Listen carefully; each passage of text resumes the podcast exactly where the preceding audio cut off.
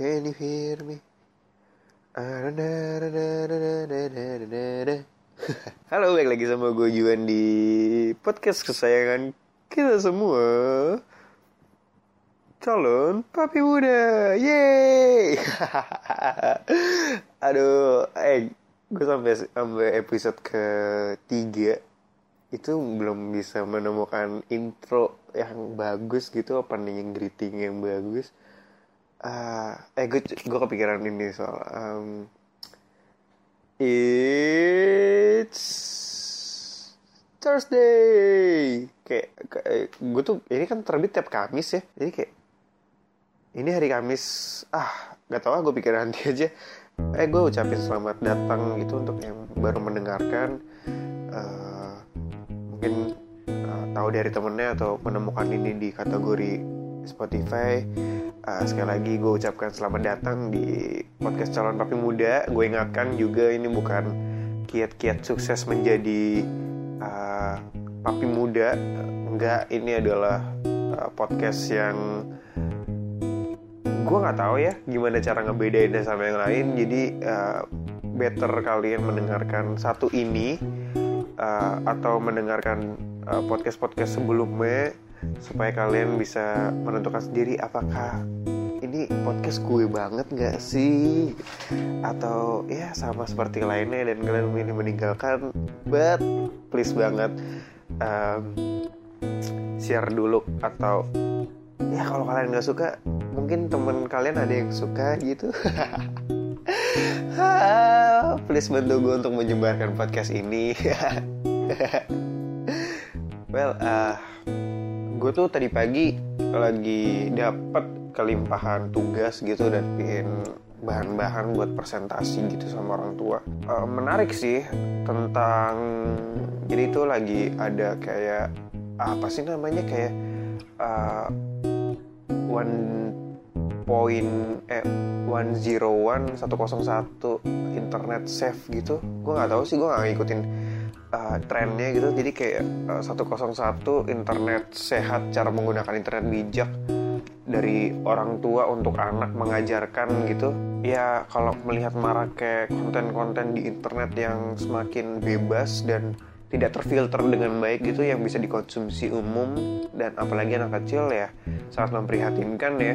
Uh, jadi tuh kayak di sekolah tempat kerja gue itu kan uh, di sekolah swasta gitu ya dan uh, jadi tuh uh, jenjangnya tuh dari TK dari TK SD SMP sampai SMA gitu. Dan uh, kelas 3 SD-nya itu mulai dari kelas 3 SD udah dibekalin sama laptop gitu. Jadi emang biar melek teknologi. Nah jadi dari kelas 3 SD semua anak tuh udah megang MacBook kayak masing-masing dan literally uh, emang semuanya tuh di kantor gitu uh, makanya tuh MacBook gitu dari uh, apa namanya dari uh, staff-staffnya juga dari semua uh, apa teknisinya ataupun apa tempat gua fasilitas-fasilitasnya dan dan anak-anaknya tuh bener-bener punya MacBook gitu uh, satu-satu kebijakan sekolah dikasih gitu atau harus punya sendiri. But yang harus lo tahu adalah uh, ketika sedang istirahat ataupun lagi break gitu ya, ya istirahat atau break beda sih. Iya pokoknya kalau lagi atau oh jam pulang sekolah terus kayak gila men. Uh, ngelihat ke bawah gitu ke apa namanya? Kayak ke uh, tempat ngumpul kayak di bawah gitu di meja-meja food court ataupun apa tuh kayak isi MacBook. Semua MacBook udah kayak kertas gitu ditinggalin sembarangan. Dan MacBook kan ini ya kayak apa namanya sama semua gitu bentuknya kayak nggak nggak nggak nggak spesifik kayak laptop yang basis Windows gitu kayak itu kan kayak ada merek Toshiba, Sony, Samsung, bla bla bla, uh, Asus lah ataupun apa kan kalau misalnya Apple kan sama semua gitu kayak silver yang bikin beda cuma paling uh, tebel tipisnya tapi kayaknya karena ini dari sekolah terus kayak uh, sama semua gue nggak tahu tipenya apa. Yang bisa bikin bedain lainnya tuh paling juga kalau misalnya mereka pakai wallpaper ataupun uh, hard case. Tapi kan mostly nggak pakai dan uh, apa namanya laptop tuh beda sama HP gitu. Kalau misalnya iPhone kan mungkin lo masih bisa ngelihat retak-retakannya kan ataupun apa yang ngebuat wah ini aura HP lo kalau bisa digeletakin barang-barang tapi men gila ketika lo ngelihat uh, apa sih namanya uh, MacBook gitu berjejer bertebaran sana sini terus kayak gue tuh gue tuh mikir ya kalau misalnya suatu saat pas mereka pulang gitu terus tiba-tiba ketuker pas mau ngebuka kayak bukan ternyata bukan bukan uh, profilnya mereka terus uh, gue tuh kebayangin kayak ketika mereka menyadari satu sama lain dan ketukernya banyak banget terus pas besok kayak di sekolah tuh kayak udah lagi tukeran kado silang terus kayak eh ini punya kamu eh ini punya kamu punya gue jadi kayak ah, uh, punya A ngasih ke B, B ngasih ke C, C ngasih ke D, D ngasih ke B, uh, habis itu uh, F ngasih ke A, kayak bener-bener random aja gitu aduh iya kan emang iya kan kalau misalnya kembali ya kayak uh, laptop kan beda banget sama HP gitu. Kalau misalnya lu lupa sama HP kan tinggal lihat wallpapernya. Terus kalau misalnya laptop kan lu harus buka harus nyala ngidupin dulu terus uh, ya itu gitu. Kalau misalnya mau tahu itu punya laptop lo atau bukan. Anjir gue masih nggak chaos sih. Chaos gak sih? Kayak chaos deh jadi tuh emang penyuluhannya tuh selain buat internet sehat gitu penggunaan internet bijak dari orang tua ke anak terus juga ada kayak uh, pencegahan anak dari edik ketagihan main game gitu. Yang gue baru tahu juga bahwa ternyata di sana tuh nggak boleh install game di laptopnya. Kalau ketahuan tuh ada sanksinya katanya. Gue sih nggak tahu gitu kayak uh, emang Mac bisa diinstal sama game ya? Setahu gue tuh kayak Mac itu emang buat uh, desain grafis aja gitu. Uh, editing video foto atau kinerja kinerja lainnya. Yang uh, di mana emang Mac tuh udah terbukti banget sih dinamisnya terus kayak anti lag banget. Uh, emang bagus sih untuk kayak gitu. Kalau misalnya untuk game setahu gue uh, jarang ya karena Mac tuh nggak bisa ngebajak gitu kalau misalnya lu mau install install tuh software tuh harus yang license dan uh, install license. Kalau enggak lu pakai kaset gitu. Nggak bisa dari kerekan. Iya terus mereka nggak boleh main game. Ya kan gue kan ini ya kan gue kan uh, nyari poin-poinnya gitu kan. Nyari uh, nyiapin bahan-bahannya terus uh, gue browsing sana sini uh, bacain artikel yang mungkin uh, kalian semua juga nggak akan uh, menyadarinya gitu sampai nanti akhirnya membutuhkan ini gitu. Kayak uh, iya anak-anak tuh nggak boleh harus harus dibatasin gitu main game. Uh, harus ini nggak boleh keseringan bla bla bla bla bla bla bla bla gitu. Terus kayak uh, gue tuh jadi inget kayak apa salahnya sih dengan game? Nggak ah kayak itu kan emang wajar gitu buat anak kecil. Kayak se-addictednya anak SD itu uh, seberapa gitu tagihan sama game? Pasti juga nanti akan ada bosannya uh, kalau SMP tuh pasti harusnya sih udah sadar gitu. Apalagi SMA ya gitu. S SMP tuh harusnya udah sadar. Emang lagi seneng senengnya tapi uh, eh gue pengen cerita ya. Jadi kayak gue tuh dari kecil tuh emang main game gitu. Gue termasuk orang yang hyper main game. Uh, gue tuh dari TK TKA bahkan umur 3 tahun 4 tahun tuh gue udah main PS1 gitu. Waktu itu gue main uh, gue tuh main PS1 dikenalin sama om gue waktu itu gue masih tinggal di rumah nenek.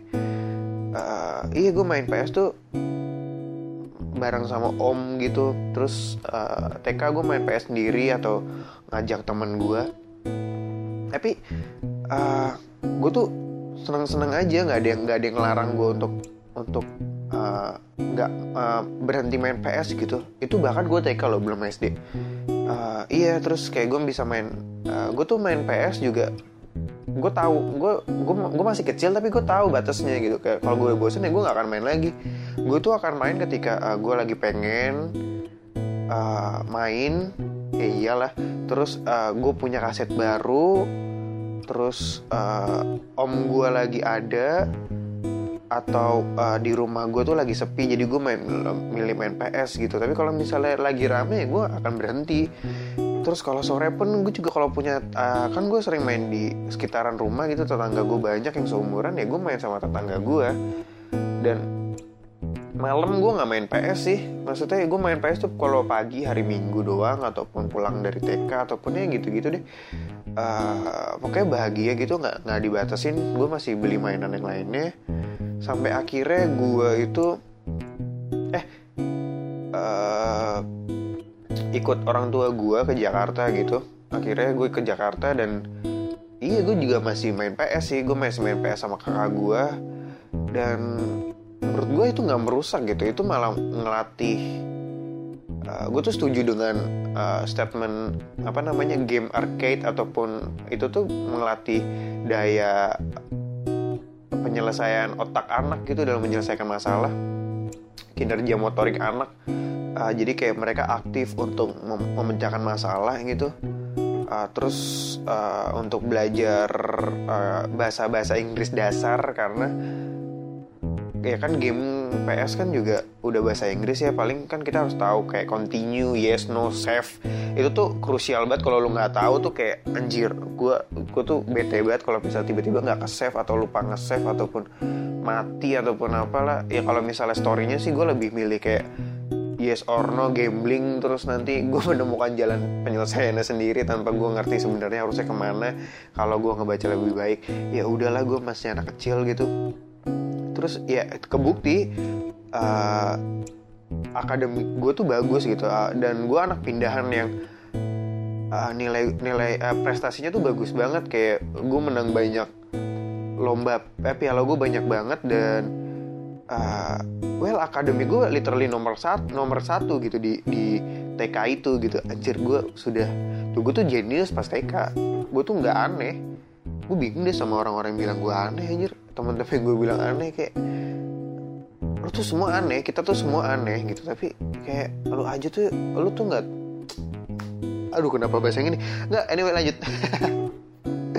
Terus uh, and then akhirnya uh, kegiatan itu berlanjut gitu gue kelas 1 SD uh, terus uh, di semester pertama gue bisa ranking 7 terus gue nggak tahu gimana ceritanya uh, orang tua gue berpikir bahwa uh, mungkin kalau gue nggak main PS gue bisa lebih baik daripada itu.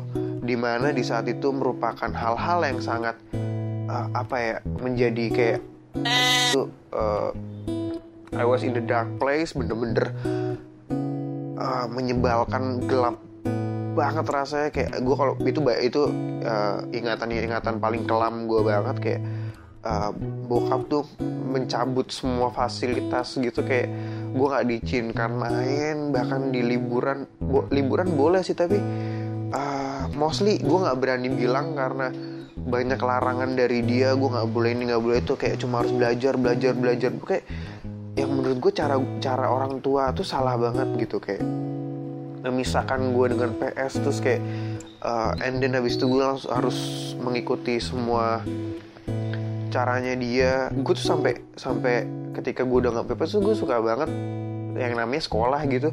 Gue nggak pernah mau yang namanya bolos alasan sakit ataupun apa. Gue tuh yang mau yang mau tuh gue bangun pagi terus gue berangkat sekolah karena uh, I really hate uh, ada di rumah ketika uh, bokap ada di rumah gitu.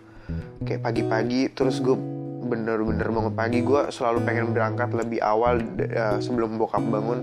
Karena uh, seingatan gue seburuk itu karena uh, apa ya uh, jadi itu kayak semacam bokap tuh ingin merubah gue menjadi uh, hal yang dia inginkan gitu mengikuti semua uh, obsesinya mengikuti semua uh, keinginannya hobinya ataupun apa kayak gue dij ingin dijadikan itu dengan cara yang sedikit maksa dan apa ya ya itu deh. Pokoknya uh, gue merasa cara itu salah. Ya gue waktu itu hanya anak kecil yang bisa jadinya gue jadi anak yang patuh dan gue nggak berani bersuara. Jadi kayak sekolah tuh gue pengennya berangkat pagi dan uh, pulang tuh ya ya pulang sih tapi pulang tuh biasa aja sih. Karena pulang pulang tuh siang dan uh, hidup gue masih seneng-seneng aja sampai akhirnya maghrib kayak pulang bokap pulang kerja tuh kayak uh, itu tuh kayak udah suasananya tuh udah mulai-mulai gak enak dan gue selalu ada gue selalu berada di kamar gue selalu uh, menciptakan mainan gue sendiri aja gitu. Gambar-gambar lah ataupun I don't know kayak uh, waktu itu belum ada HP jadi kayak untuk mengisi keseharian gue tuh kayak ya udah kayak gue mainan anak kecil anak kecil aja. Gue nggak begitu punya banyak mainan waktu itu jadi kayak uh, gue lebih suka khayal menggunakan imajinasi gue ngegambar ataupun apa. Uh, and then um, gue sampai di mana artikel uh, men, uh, jadi kayak uh, bagaimana sih caranya uh, membuat anak kita bisa membuat anak itu bisa menjauh atau mengurangi ketagihan dari game. Kayak iya caranya tuh adalah uh, membatasi per jam Se uh, sehari mungkin bisa satu jam atau dibatasin sampai jam berapa mainnya. Terus uh, dikasih uh, reward kalau misalnya uh, bisa mengurangi jam mainnya atau uh, dibikin pas weekend aja mainnya terus diajarin buat nge-save ataupun apa. Jadi kalau sewaktu-waktu harus dimatiin uh, dia nggak merasa kehilangan harus menyelesaikan dulu atau bisa diputus di tengah-tengah. Terus yang paling bagus itu ketika eh, apa yang paling bagus banget menurut gue itu yang bagian uh, ajarin anak itu dengan kenalkan dengan dunia dunia luar kenalkan dia kepada hobi lah yang akhirnya akan meninggalkan game itu. Ya bagus sih ya itu sih yang ingin uh, apa namanya yang uh, menurut gue layak untuk diketahui masyarakat umum bahwa siapa pun jangan halangi anak-anak untuk tidak bermain game karena itu menyiksa sangat-sangat menyiksa banget buat kami. Yay hidup main game. Apalagi kalau misalnya lagi pacaran tuh kayak punya pacar terus kayak lagi teleponan habis itu uh, sebenarnya lagi main game terus habis itu dihalangin oleh harus teleponan dan uh, gue ingin melakukan keduanya but uh, gue bukan orang yang bisa multitasking. Jadi kalau misalnya gue nelpon sambil main game uh, gue akan ngobrol nggak nyambung dan akan ketahuan terus akan jadi berantem. Nggak berantem sih akan uh, jadi bete ataupun apa terus uh, mau nggak mau gue harus menghentikan gamenya lalu itu tuh rasanya kayak uh, lu tuh lagi lagi dandan nih ya kalau nggak lagi ke salon lagi nyatok enggak ya? Lu, lu oh, kok jadinya oh ya gak usah deh. Lu lagi lagi lagi extension ataupun perawatan pijet di uh, salon atau ah gue gak ngerti lah suka cewek-cewek kayak gimana di salon. Terus tiba-tiba ditelepon terus suruh nemenin cowoknya terus kayak lah ntar dulu lu di salon. Kayak gitu tuh rasanya dan. Jangan pernah uh, minta seperti itu. Titik. Aduh. Eh btw uh, gue tuh lagi bahagia banget belakangan ini. Uh, kayak ada something yang akhirnya uh, bisa lepas gitu kayak uh, iya lagi lagi ada yang bisa dilepasin uh, belajar melepaskan dan rasanya lega banget uh, lo tuh pasti punya kan kayak sebuah lagu yang uh, punya kenangan manis gitu atau lagu-lagu yang menyenangkan ketika dimainkan uh, membawa memori-memori tersendiri ya mostly menyenangkan. Dan buat gue itu tuh malah sebaliknya gitu. Ini kayak ada uh, sebuah lagu yang kalau gue denger uh, tanpa disengaja diputer uh, itu tuh ngebuat puluh hati gue sakit banget dan nggak tahu rasanya susah banget buat nafas. Kayak bener-bener ada yang nyekek lo gitu kayak uh, seolah uh, apa ya namanya oksigen tuh apa ya udah udah udah tipis banget di muka bumi. Anjir gue lebay banget tapi emang bener kayak gitu. Ah, oh ini lagunya tuh lagunya uh, You Somebody nya King of the Lion yang you know that I I, I went rolling around. I was looking down and all I see. And we playing gue nggak tahu apa. Someone like someone like me oh, oh, oh, oh. dulu tuh gue awal-awal lagu ini keluar tuh gue suka banget gitu dan ah sampai akhirnya gue uh, mengacaukan semuanya. Jadi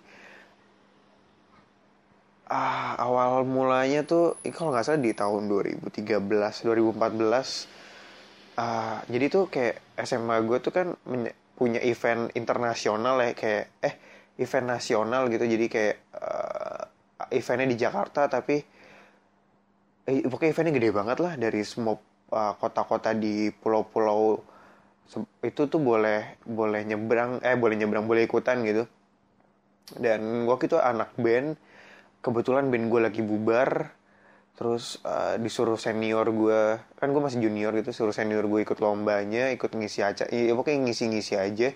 Terus akhirnya uh, kebentuklah sebuah band uh, berisikan dua cowok dua cewek di mana dua cewek itu untuk vokal dan dua cowok ini untuk satu di bass satu di gitar. Gue kita sama sekali nggak punya drum. And then uh, waktu itu tuh uh, gue inget uh, gue tuh lagi suka sama Walk of the Earth gitu. Gue lagi sering nonton YouTube ya Walk of the Earth. Uh, uh, yang ini yang pas dia lagi main ini apa namanya?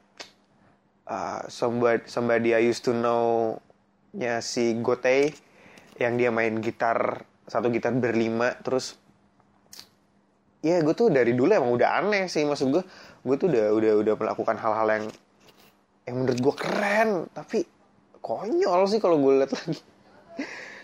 Ya uh, and then kan nggak punya drum terus gue memutuskan untuk uh, memainkan keduanya. Uh, gue main bass sama main drum karena emang lagunya tuh nggak nggak begitu ribet. Jadi gue main bass kayak uh,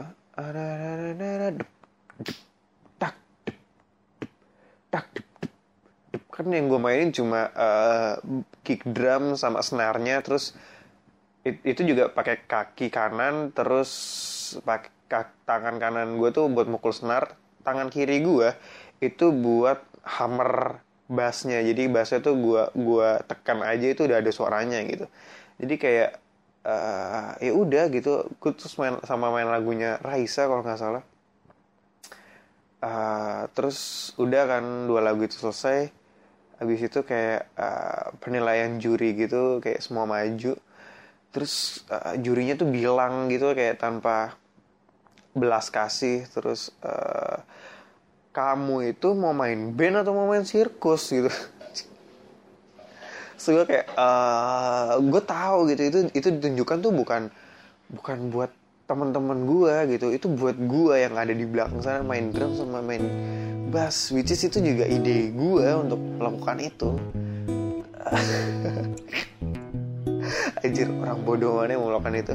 Mempermalukan diri sendiri. Enggak itu gue Gue mau seperti itu. Gue pikir itu keren dan itu tuh pro gitu. Itu itu tuh butuh skill multitasking dalam bermain musik. Bapak nggak tahu rasanya. Terus itu tuh nggak bikin uh, gue sakit hati sama sekali ya. Uh, gue tak gue cuma gue tahu itu ditunjukkan tertuju sama gue gue sadar diri uh, dan yang bikin sakit tuh ketika temen gue tuh emang vokalnya suaranya bagus banget ya. Terus jurinya bilang kayak saya suka banget dengan vokal kamu. Bagus vokal kamu tuh bagus? Apalagi kalau misalnya saya saranin sih kamu keluar dari band ini gitu dan dan cari band lainnya terus buat melatih lagi dan kamu pasti bisa lebih besar. Ini kamu bagus banget dan saya yakin gitu. Terus kayak di situ gue merasa kecil banget. Kembali bukan karena komentar itu yang ditujukan buat si temen gue tapi kayak ah, men gue lagi naksir sama salah satu uh, vokalis ini dan uh, gue adalah salah satu orang yang sangat menyukai uh, warna suaranya. Uh, dia ter dia gue yang ngajak dia terlibat dalam uh, lomba ini terus gue yang apa namanya dengan sok kerennya dengan sok idenya gue uh, mem, apa namanya mengebuat konsep kita tetap main aja gue main drum sama main bass. Lo tau gak sih seberapa harga diri gue sudah uh, dengan kerennya gue gue apa ya namanya ya gue gue curahkan buat wanita ini uh, gue ngurusin semuanya buat demi kelihatan keren. Uh, pokoknya semuanya gue curahkan dari mulai latihan ataupun apa. Gue yang menerima semua tanggungan ataupun apa terus lu bilang kayak gitu teman gue ini pasti akan berpikir kayak kayaknya gue harus keluar dari ini deh. Gue harus berkembang gue nggak bisa ini.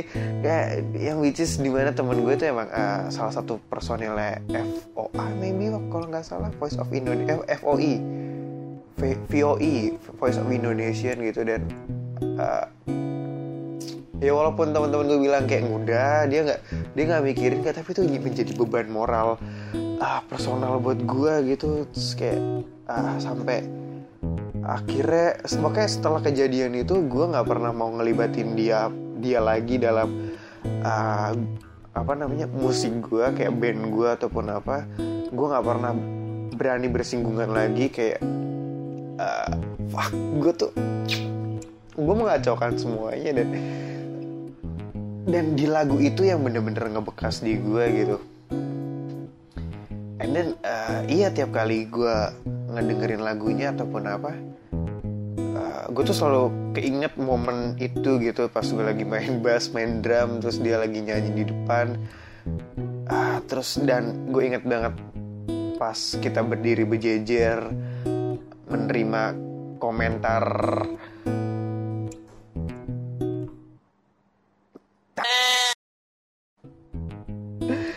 Anjir. Uh, Ironinya adalah Yang hapus semua itu Itu tuh eh, Gue tuh Eh kalau ada yang bilang uh, Cinta itu buta Aduh itu bullshit banget men. Gue akan bilang Cinta itu budek Tiba-tiba playlist gue keganti dengan lagu itu tapi bukan versi King of the Lion sih. Ada versi coverannya gitu di Spotify yang menurut gue enak. Awalnya emang menyakitkan gitu gue sesek gitu terus kayak uh, tapi lama kelamaan gue langsung sedikit bisa mengatur nafas terus uh, bertanya uh, gue nanya kayak lah kok lo tahu lagu ini? gitu iya terus gue abis itu uh, ngeliat-liat playlist lagu ini ini playlist nyetel playlistnya dia gitu. Terus kayak gue ngeliat playlistnya dia kayak anjir playlistnya. Gak jauh gitu sama lagu-lagu gue anjir gue menyenangkan sekali gitu. Akhirnya gue bisa menemukan orang dengan playlist yang sama setelah ah nggak tau gue nggak gue selama ini gue deket sama ah gue punya pacar terus uh, dek, apa ya punya playlist uh, dia kesukaan lagu itu nggak nggak pernah sama gitu. Gue udah tipe orang yang uh, suka lagu-lagu lama. Uh, gue masih dengerin lagu-lagu uh, 70 ya bangsanya Beatles lah itu masih dengar beberapa. Rolling Stone uh, Queen uh, apa ya pokoknya 80 90 2000 pop pop 2000 pop pop 90 uh, Cranberries, Cardigan, abis itu uh, Tamia yang uh, li, uh, officially missing you, bla bla bla, pokoknya banyak banget deh. Pokoknya intinya poinnya adalah lagu-lagu lama gitu. Dan nggak tau gue nggak gue pernah nggak nggak gue selama ini nggak pernah sampai gue baru baru kali ini gue menemukan yang playlistnya sama lo dan ah gue bisa nyanyi bareng gitu. Eh gue masih inget banget ah gue pernah dah gue pernah punya pacar yang uh, suka banget dengan uh, R R jatuhnya R&B sih tapi entah kenapa gue nggak masuk gitu. Gue tuh R&B yang masuk waktu itu tuh kayak masih Black Eyed Peas yang The Time I The Time of My Life. Itu juga lagu lama sih tahun tahun 90-an Nah, pokoknya lagu-lagu Black Eyed Peas tuh gue masih masuk terus kayak Soulja Soulja buat um, nah, teng teng teng teng kayak Anana awene oh ya pokoknya lagu-lagu yang kayak gitu terus uh, siapa lagi ya? Saint, Saint, Saint Kingston Saint Kingston gue juga masih gitu. Terus eh gue pernah dapat uh, lagunya apa ya waktu itu lagi dia lagi suka buat lagunya uh, like a G sick. Tet teret teret teret teret teret like a G anjir. Terus kayak uh, gue di kelas dengerin apa namanya kayak dengerin lagu bareng dia anjir lagu itu mulai diputer terus kayak pas gue mau mau muter lagu gue itu kan dulu masih zaman zamannya web trick ya. Uh, ya terus uh, lagu lagu gue aja tuh di di stop gitu dan oh, dia dengerin lagu itu sehari anjir kayak ah kayak gak enak banget rasanya kayak kalau lu nggak nggak nggak punya apa ya lagunya tuh nggak punya kesamaan lagu. Terus oh yang terakhir pun juga ah nggak sih nggak yang terakhir gue nggak punya kesamaan lagu suka lagu apa. Yang ada gue malah ngikutin dia waktu itu gue diracunin sama uh, K-pop. Ah gue gue gue akuin sih K-pop enak gitu beberapa enak. Uh, waktu itu gue diracunin sama EXO yang gue juga tahu beberapa lagu EXO yang uh, history. Na na na na na na na. Na na na na history. Dan, dan, dan terus gue akhirnya mengerti uh, konsep comeback kayak uh, band-band K-pop. Eh ya pokoknya gitu K-pop K-pop gitu. Ternyata comeback itu adalah proses ketika mereka sudah uh, vakum sebentar untuk nggak ngeluarin album atau single. Terus dalam kurun sewaktu setahun dua tahun uh, akhirnya mereka ngerilis album baru. Habis itu langsung ada konser gede-gedean gitu kayak mubang. Ah, gitu deh pokoknya. Eh, gue tahu kan tapi ya gue penikmat K-pop kok sebenarnya. Uh, nggak yang itu juga uh, waktu jatuhnya gue yang ngikutin seleranya sih tapi uh, dia nggak begitu suka lagu gue dan uh, I don't know finally gue akhirnya menemukan yang gue suka banget lagunya. Eh yang playlistnya sama iya. Uh, jadi teh uh, cinta itu buta. Nggak apa-apa deh kalau cinta itu buta. Uh, uh, uh, teh uh, apa-apa budak mah budak aja.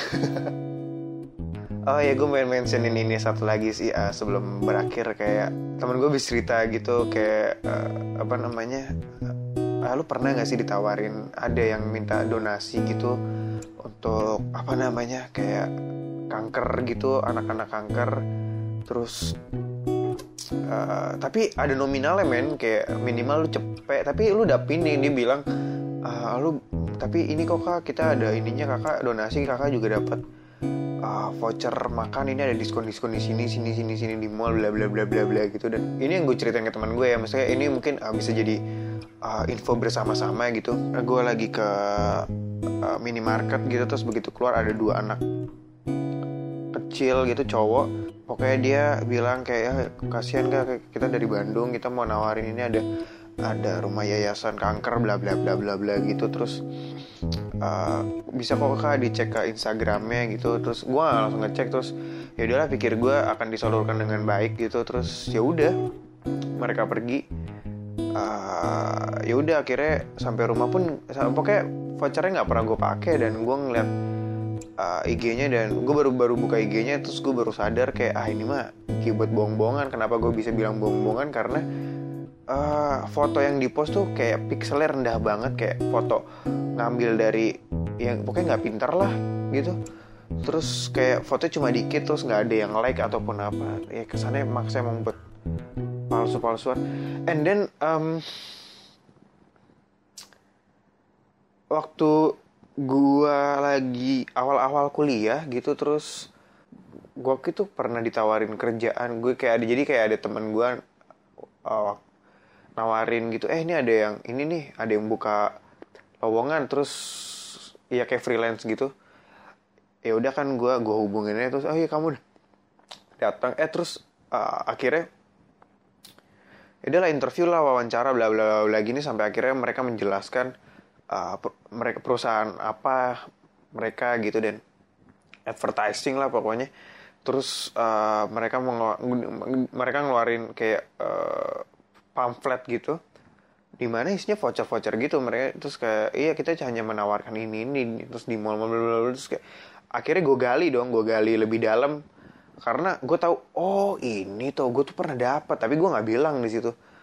Uh, terus akhirnya gue gali cari tahu lebih dalam lagi terus gue secara gue langsung memainkan peran gue bahwa gue ter, sangat tertarik gitu untuk meng, apa namanya uh, kerja di situ gitu uh, pokoknya gue dibawa makan siang gitu terus untuk obrolan lebih dalam dikasih tahu mekanismenya. Jadi uh, secara garis, garis besar gini kayak mereka emang kerja sama gitu sama dengan pihak-pihak terkait gitu yang ada tertulis emang benar cuma uh, ini namanya advertising ya jadi kalaupun emang buat buat sumbangan ke itu itu tuh di donasi di donasi ini persenannya kecil. Jadi emang uh, selebihnya tuh besarnya tuh buat uh, apa namanya kayak uh, ya biaya si advertisingnya ini gitu. Gue jelasin singkatnya aja uh, secara garis besar cara kerjanya gimana mekanismenya.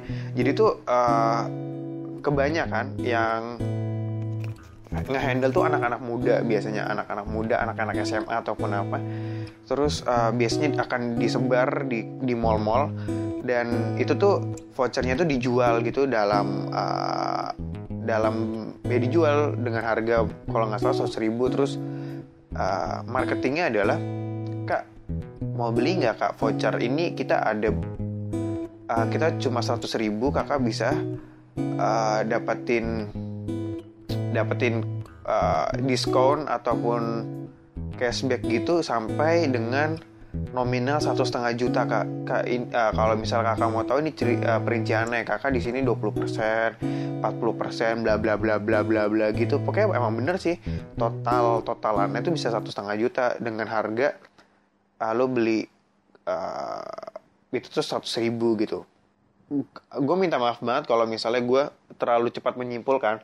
Tapi ada kecenderungan uh, orang-orang yang mengatasnamakan itu untuk yayasan kanker bla bla bla. Pertama itu untuk menarik simpatik dan gue bisa bilang itu adalah advertising yang serupa gitu. Jadi emang sebenarnya untuk keuntungan si advertising dan jadi kalau misalnya emang ada yang mengatasnamakan itu ya udah jelas gitu itu adalah trik yang mereka untuk menarik simpatik aja sih. Kalau emang kalian ingin mendonasikan ataupun ingin uh, bersedekah ataupun apa ya gue rasa mending ke lembaga-lembaga yang udah terpercaya ataupun sekarang kan banyak yang galang-galang dana uh, yang udah terpercaya gitu kayak kita bisa ataupun apa donasiku ataupun apa yang digital. Jadi uh, menurut gue uh, di sana jauh lebih aman. I don't know mungkin kalau misalnya kalian punya hal yang serupa uh, bisa kasih tahu gue aja mungkin uh, mungkin bisa kita bahas. Eh btw ini uh, udah kepanjangan banget ya. Um, ini podcast ketiga dan uh, ini kan podcast satu arah jadi karena gue sebisa mungkin uh, gue pengen kita sama-sama enjoy gue buka sebuah form jadi kalian bisa kirim uh, pertanyaan atau kalian punya opini ataupun apa pun itu bisa kalian kirim ke sana akan gue bacakan di uh, podcast podcast selanjutnya. Di akhir sesinya tentunya. Uh, terus ya akan akan kalau misalnya memang pertanyaan akan gue coba jawab dengan uh, perspektif yang kebalikannya. Jadi lo nggak perlu mencari-cari kebenarannya. Kayak misalnya lo nggak perlu mencari pembenaran lo. I don't know man.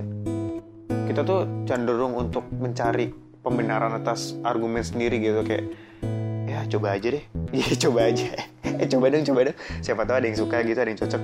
Eh terus uh, oh iya kalau misal kalian mau kirim itu bisa ke www.tinyurl.com slash blackmail CPM uh, itu juga ada. Kalau misalnya kalian bingung bisa cek di deskripsinya aja. Ya kalian bebas mau pakai nama sendiri atau itu nama yang eh serah deh.